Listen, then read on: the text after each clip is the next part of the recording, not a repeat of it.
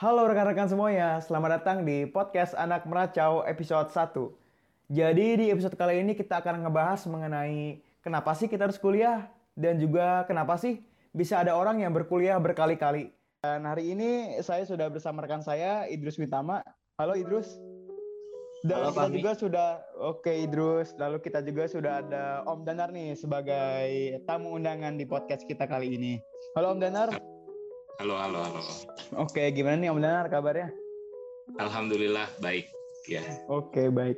Kita langsung aja kali ya ke topik nih. Mungkin dari Idrus Wintama ada pertanyaan-pertanyaan dulu nih ke Om Danar.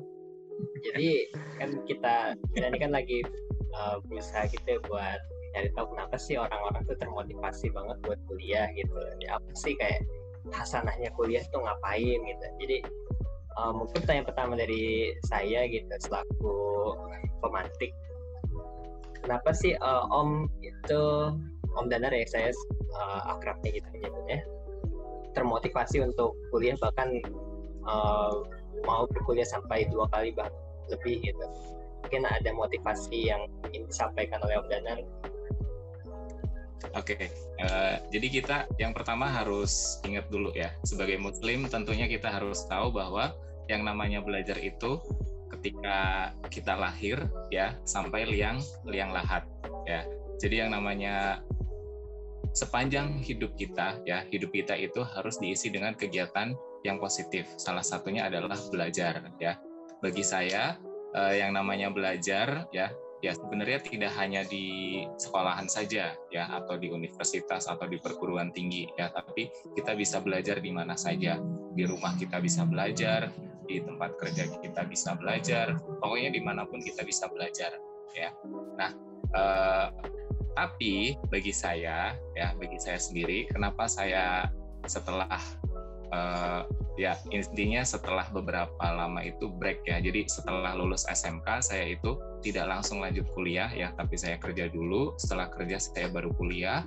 Nah eh, intinya adalah yang pertama tentunya eh, saya ingin meru- merubah diri saya menjadi lebih baik ya. Tentunya saya ingin merubah diri saya menjadi lebih baik.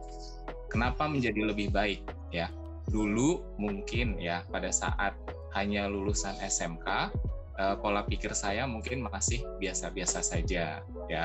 Eh, mungkin susah untuk mengendalikan marah susah mengendalikan emosi ya. Tapi lama kelamaan setelah saya eh, berkuliah ya atau melanjutkan studi di bangku perkuliahan eh, saya itu merasa ada perubahan dalam diri saya gitu. Eh, dari segala sesuatu mulai dari pola pikir ya. Pola pikir itu otomatis akan berubah. Kemudian dari sikap ya sikap itu justru eh, jauh lebih bijak gitu. Dan yang tadinya mungkin gampang sekali tersulut tersulut marah ya eh, akhirnya apa? Akhirnya saya mungkin bisa menjadi lebih sabar gitu. Dan kenapa saya eh, mengambil jurusan pertama ya. Jadi jurusan pertama itu saya mengambil jurusan pendidikan bahasa Inggris. Eh, saya itu merasa lebih sabar gitu. Lebih sabar ketika menghadapi para siswa gitu. Karena ketika berhadapan dengan siswa itu berbagai macam karakter. Karakternya itu pasti beda-beda.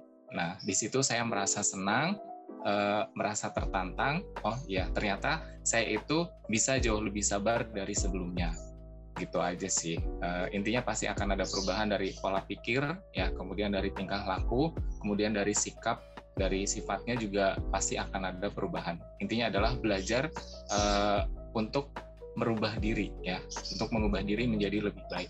Itu aja. Oke, eh, berarti dengan berkuliah itu pola pikir kita akan lebih luas, terus juga akal budi kita bakal lebih baik gitu ya Om ya? Iya betul. Ah, ah. Oh. Misalnya eh, biasanya kita mungkin ya, mungkin sebelum kuliah saya hanya melihat segala sesuatu itu hanya dari satu sudut pandang saja, ya hanya dari satu sudut pandang sada- saja. Tapi setelah berkuliah, eh, justru kita akan menjadi lebih bijak, ya menjadi lebih bijak bahwa segala permasalahan itu kita harus bisa melihat dari sudut pandang yang lain, ya jangan hanya mengambil satu sudut pandang saja. Nah, setelah kita melihat dari sudut pandang yang lain, maka dengan adanya masalah-masalah yang kita hadapi, kita pasti akan bisa memecahkan masalah tersebut. Ya, justru eh, intinya semakin banyak masalah, ya, semakin banyak kita belajar gitu. Gitu Oke, okay, uh, nah tapi pertanyaan gini Om, kenapa sih S1-nya itu harus dua kali kan S sekali aja emang gak cukup apa Om? Kayaknya Om dengar ini sangat hobi berkuliah nih.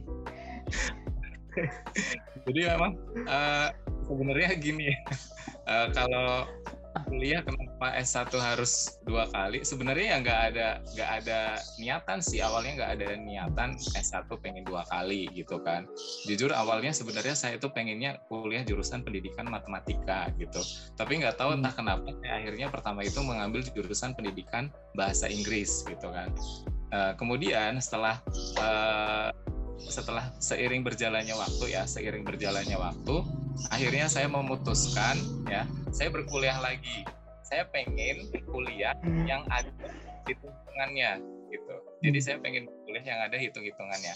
Nah di situ saya ingin ibaratnya out of the box lah uh, saya ingin men menantang diri saya sendiri ya men-challenge diri saya sendiri uh, supaya mampu nggak sih saya mengambil jurusan yang memang uh, itu di luar dari basic saya. Akhirnya saya memutuskan untuk kuliah lagi S1 mengambil jurusan akuntansi. Di sisi lain saya jadi orang itu selalu merasa senang ya, senang ketika mempelajari hal-hal baru gitu. Jadi ya kalau memang bisa mengcombine antara bahasa Inggris dengan akuntansi, why not gitu kan. Uh, yang penting ya bagi saya enjoy aja sih jalani aja. Mau hmm. sebanyak apa pun tugasnya mau sesulit apa pun uh, materinya semaksimal mungkin saya pasti akan bisa uh, mengerjakannya dengan baik. Saya percaya Oke keren sekali. Emang ini Om Danar emang pada dasarnya emang udah hobi kuliah. Nah tapi waktu kuliah itu Om Danar kepikiran soal biaya gak sih Om? Kan S1 itu kan biayanya juga nggak murah ya Om. Agak mahal juga itu berarti akan ada banyak pertimbangan kan sebelum Mendanar melanjutkan untuk S1 dua kali. Dan apakah respon keluarga pada saat itu setuju atau uh, menolak? Oke, okay. uh, eh, di awal itu tadi saya sudah sampaikan bahwa setelah lulus SMK saya bekerja dulu. Jadi selama saya bekerja, saya berusaha untuk ya menabung lah intinya menabung, mengumpulkan uang uh, supaya nantinya itu saya bisa berkuliah untuk membiayai kuliah saya sendiri gitu kan.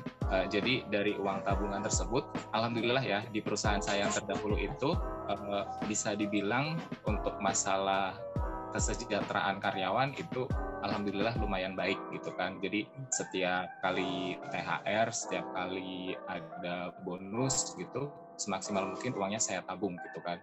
Nah nanti ketika uang uang tersebut ya, uang tabungan saya uh, sudah merasa cukup saya gunakan untuk kuliah gitu. Dan uh, intinya gini yang namanya menuntut ilmu itu kan wajib hukumnya ya enggak? Menuntut ilmu itu wajib hukumnya ya. Kalau memang niat kita baik niat kita baik untuk belajar niat kita baik untuk menuntut ilmu nggak usah mikirin biaya insya Allah pasti akan ada jalannya sendiri ya. Allah itu pasti akan meridoi ya orang-orang yang akan menuntut ilmu. Orang-orang yang mau belajar itu pasti diridoi sama Allah. Nggak usah mikirin dananya dari mana duitnya dari mana ya. Allah itu hmm. uh, maha penyayang sama umatnya. Pasti uh, Allah akan memberikan rezeki dari arah yang tidak pernah kita sangka-sangka.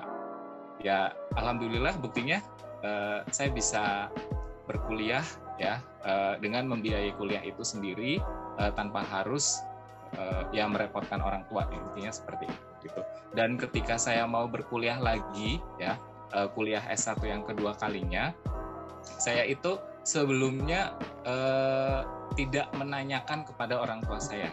Saya tidak menanyakan kepada orang tua saya apakah nanti orang tua saya menyetujui atau tidak saya baru bilang kepada orang tua saya ketika saya sudah menjalani perkuliahan gitu.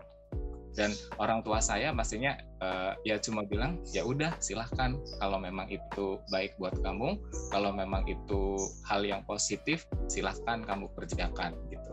Uh, intinya orang tua saya itu tidak pernah mengatur hidup saya uh, mereka itu hanya mengawasi ya. Selagi hal ya hal positif yang saya kerjakan pasti orang tua saya akan mendukung apa pun itu kegiatannya.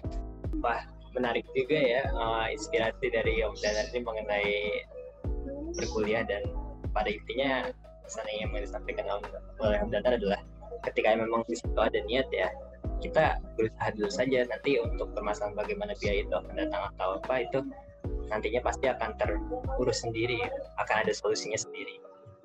Lalu Om, uh, kan kita ini sedang berkuliah dalam suasana yang online gitu ya, sedang PJJ pembelajaran jarak jauh. Kalau dari Om sendiri, pernah nggak sih Om ketika berkuliah baik itu pas S1 dua kali atau sedang S2 itu mengalami kendala-kendala yang cukup memberatkan Om gitu? Ada nggak sih kendala yang seperti itu? Uh, pada saat S1 sih alhamdulillah uh, belum ada pandemi ya. Jadi menurut saya kegiatan uh, belajar ya, kegiatan belajar mengajar yang berlangsung tatap muka itu sangat menyenangkan sekali. Jadi materi yang disampaikan oleh dosen itu sangat mudah dipahami bagi saya sendiri gitu kan.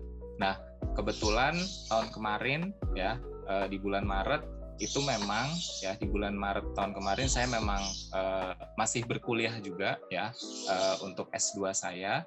Itu saya di semester 2 ya jadi tahun 2020 bulan Maret. Nah itu pas awal banget semester 2 mau tidak mau karena adanya pandemi kita juga harus mengikuti ya mengikuti aturan dari pemerintah. Kita harus uh, menyesuaikan diri ya dengan kondisi pembelajaran yang tadinya berupa tatap muka menjadi daring ya atau online. Nah, di situ pastinya pas awal-awal, pas awal-awal itu ya pastinya ada rasa kayak aduh eh, pasti mikir dulu gitu kan. Kalau misalnya pembelajaran secara online itu nanti menggunakan media apa gitu kan. Nah, oh ternyata dosen eh, sudah mempunyai cara sendiri ya mereka ada yang menggunakan media Zoom, ada yang menggunakan Google Meet, eh, komunikasi menggunakan WhatsApp, eh, kemudian menggunakan Google Classroom juga ya. Intinya eh, dikembang ya. Semua media-media daring itu dikembang menjadi satu oleh para dosen. Dan seiring berjalannya waktu mungkin ya mungkin pada saat awalnya itu merasa kok kayaknya menggunakan Zoom banyak sekali kendalanya gitu. Terutama dari hal sinyal ya dari hal sinyal hal sinyal karena itu kan pas awal-awal namanya awal-awal itu wajar ya menurut saya itu wajar pasti nanti seiring berjalannya dengan waktu ya kita pasti akan terbiasa dengan kondisi yang seperti ini gitu e, kemudian menggunakan Google Meet. Bagaimana menggunakan Google Meet? Nah, pada awalnya juga pasti nggak tahu gitu kan. Tapi lama kelamaan ya karena kita dituntut ya mau tidak mau kita harus menggunakan media tersebut kita harus belajar juga ya. Yang tadinya kita tidak tahu bagaimana cara menggunakan Zoom, bagaimana cara menggunakan Google Meet, bagaimana cara menggunakan Google Classroom mungkin ya atau media-media yang lain karena adanya tuntutan e, pembelajaran yang dilakukan secara daring mau tidak mau kita juga harus belajar. Dan akhirnya sampai sekarang e, kita sudah mulai beradaptasi ya bahwa e, apa pun kondisinya ya walaupun dengan kondisi pandemi kita harus tetap belajar ya. Walaupun dengan kondisi pandemi kita harus tetap belajar.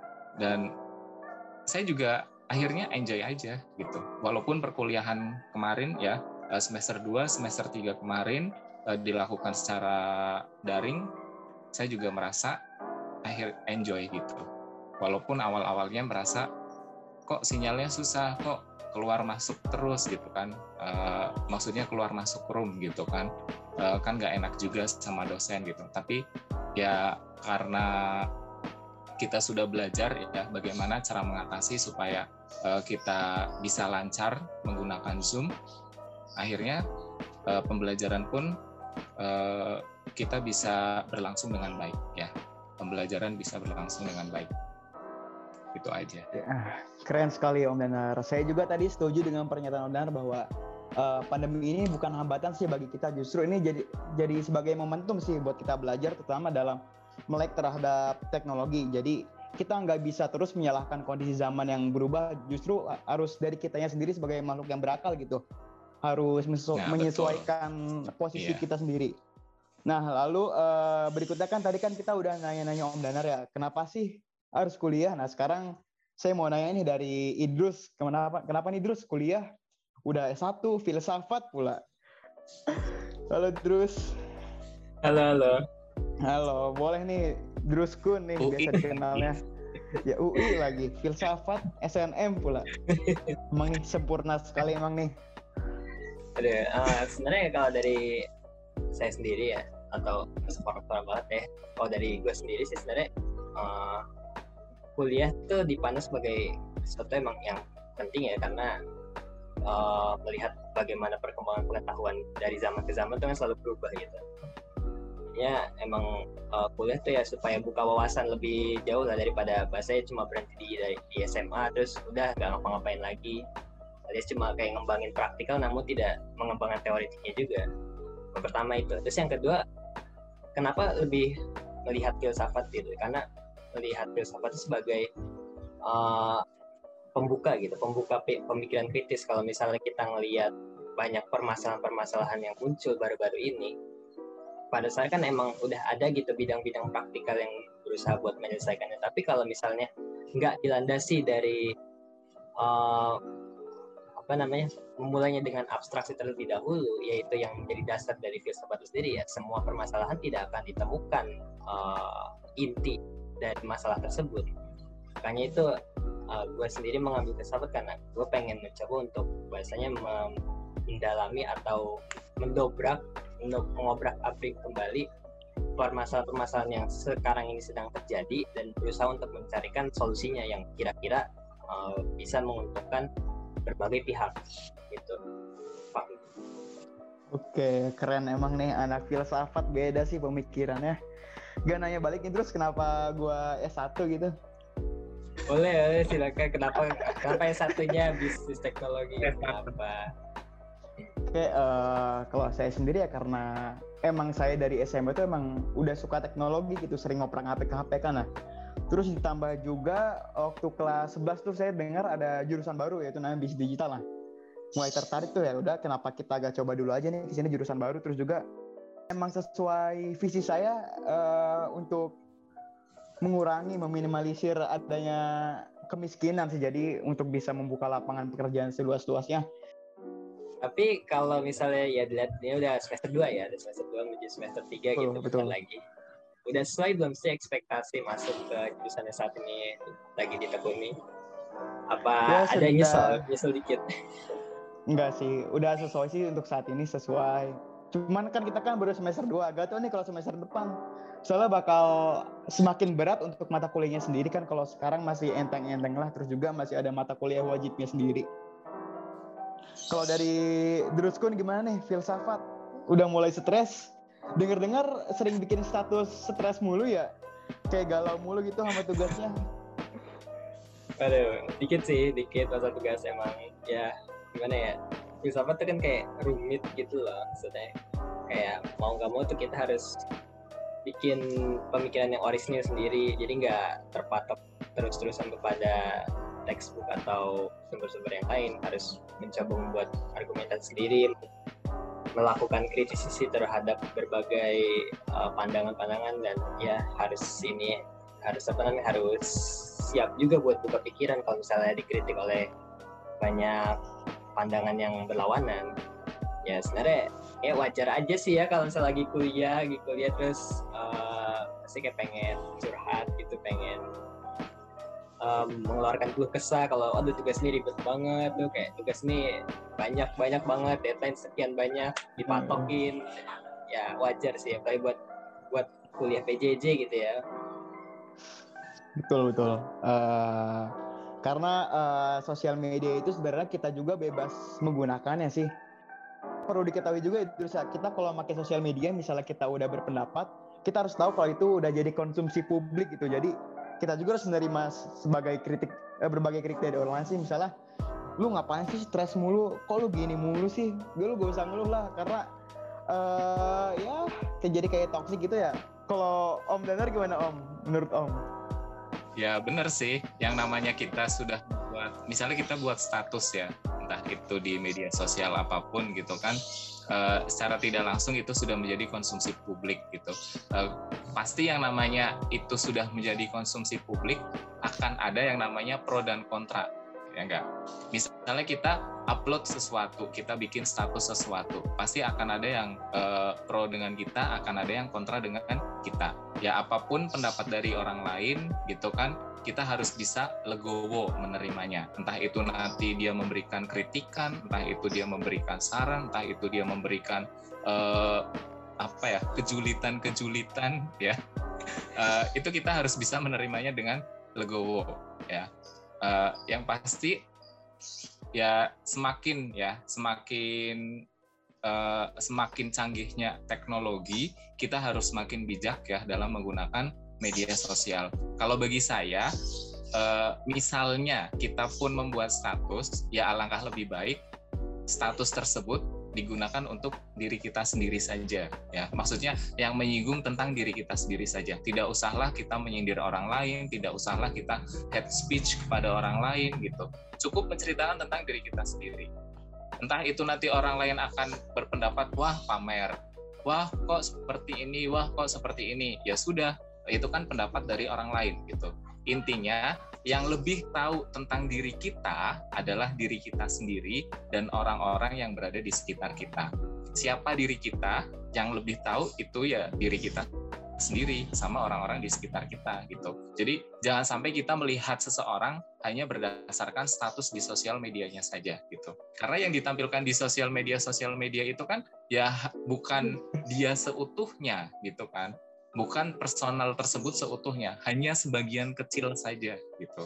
Tapi kalau misalnya kita sudah bertemu secara langsung dengan orang tersebut, kita sudah e, ibaratnya apa ya, sering bertemu, sering bertatap muka, sering ngobrol, kita pasti akan tahu, oh ternyata orang ini e, tidak sesuai dengan apa yang ada di sosial media. Mungkin apa yang ada di sosial media dia, status yang dia sampaikan di sosial media bisa saja tujuannya untuk memotivasi gitu. Ternyata tujuannya bukan untuk pamer gitu. Hmm. Yang namanya orang kan masing-masing ya. Dia ada mungkin tujuan kita adalah untuk memotivasi orang lain. Tapi bagi orang yang tidak suka sama kita, pasti orang tersebut akan menyatakan bahwa wah dia itu cuma pamer doang gitu kan. Bisa saja seperti itu. Jadi itu saja bagi okay. saya. Keren nih Om dengar dari jawaban dan juga pendapatnya. Ya nggak kerasa kita Om udah 20 menit lebih sih di podcast kali ini. Nah tapi untuk sebagai penutup nih Om, ada kalimat-kalimat nasihat gak nih buat para mahasiswa terutama bagi saya dan juga Idrus nih? Apa ya? saya juga... bebas Om bebas. Kalimat penutup intinya sih kalau bagi saya saya selalu ingat yang ini uh, apa? Adab dulu baru ilmu ya. Adab dulu baru baru ilmu ya. Kalau orang beradab udah pasti berilmu. Kalau orang berilmu belum pasti beradab ya. Jadi sebaik mungkin ya sebisa mungkin kita harus bisa uh, kita harus bisa menghormati orang lain. Apa pun itu pekerjaannya berapapun usianya entah itu dia lebih tua dari kita, entah itu dia lebih muda dari kita, kita harus bisa menghargai sesama. Jangan sampai kita karena merasa kita misalnya begini, eh, kita merasa lebih tua dari dia, terus kita jadi orang yang sok menggurui dia. Jangan sampai seperti itu. Atau misalnya ketika ada seseorang yang pekerjaannya mungkin ya mungkin hanya sekedar tukang parkir atau uh, sekedar tukang becak atau tukang batu atau uh, tukang bangunan jangan sampai kita merendahkan mereka juga gitu. Mereka juga sama saudara kita ya. Jadi utamakan ada dulu baru ilmu ya. Kemudian uh, harus kalian ingat ya bahwa yang namanya ketika kita belajar ya ketika kita menuntut ilmu itu ada tiga tahapannya ya. Yang pertama adalah yaitu sombong, ya, yaitu sombong. Yang kedua yaitu tawadu, ya, dan yang ketiga dia semakin merasa tidak tidak ada apa-apanya, ya, bahwa dia itu nggak tahu segalanya, gitu. Dia itu tidak ada apa-apanya. Nah, sekarang uh, tinggal kita introspeksi ke diri kita. Dari ketiga tahapan tersebut, kita berada di di posisi yang mana? Apakah yang pertama, yang kedua, atau yang ketiga, gitu. Ya. Jadi justru karena kalian uh, mahasiswa ya uh, pasti pola pikir kalian sudah uh, berbeda ya. Tentunya sudah lebih berbeda daripada saat SMA dan wawasan kalian juga jauh lebih luas wawasan kalian itu jauh lebih banyak ya dari sebelumnya ya. Uh, jangan sampai merasa sombong ya. Tentunya kita harus tetap kita harus tetap rendah diri, kita tetap harus bisa menghormati siapa pun, kita harus tetap bisa sopan santun, apa pun itu suku dengan siapa pun, ya kita harus bisa menghargai saudara-saudara kita, apa pun agamanya, apa pun sukunya, apa pun rasnya, ya kita harus bisa uh, hidup berdampingan dengan saudara-saudara kita uh, di seluruh dunia ini.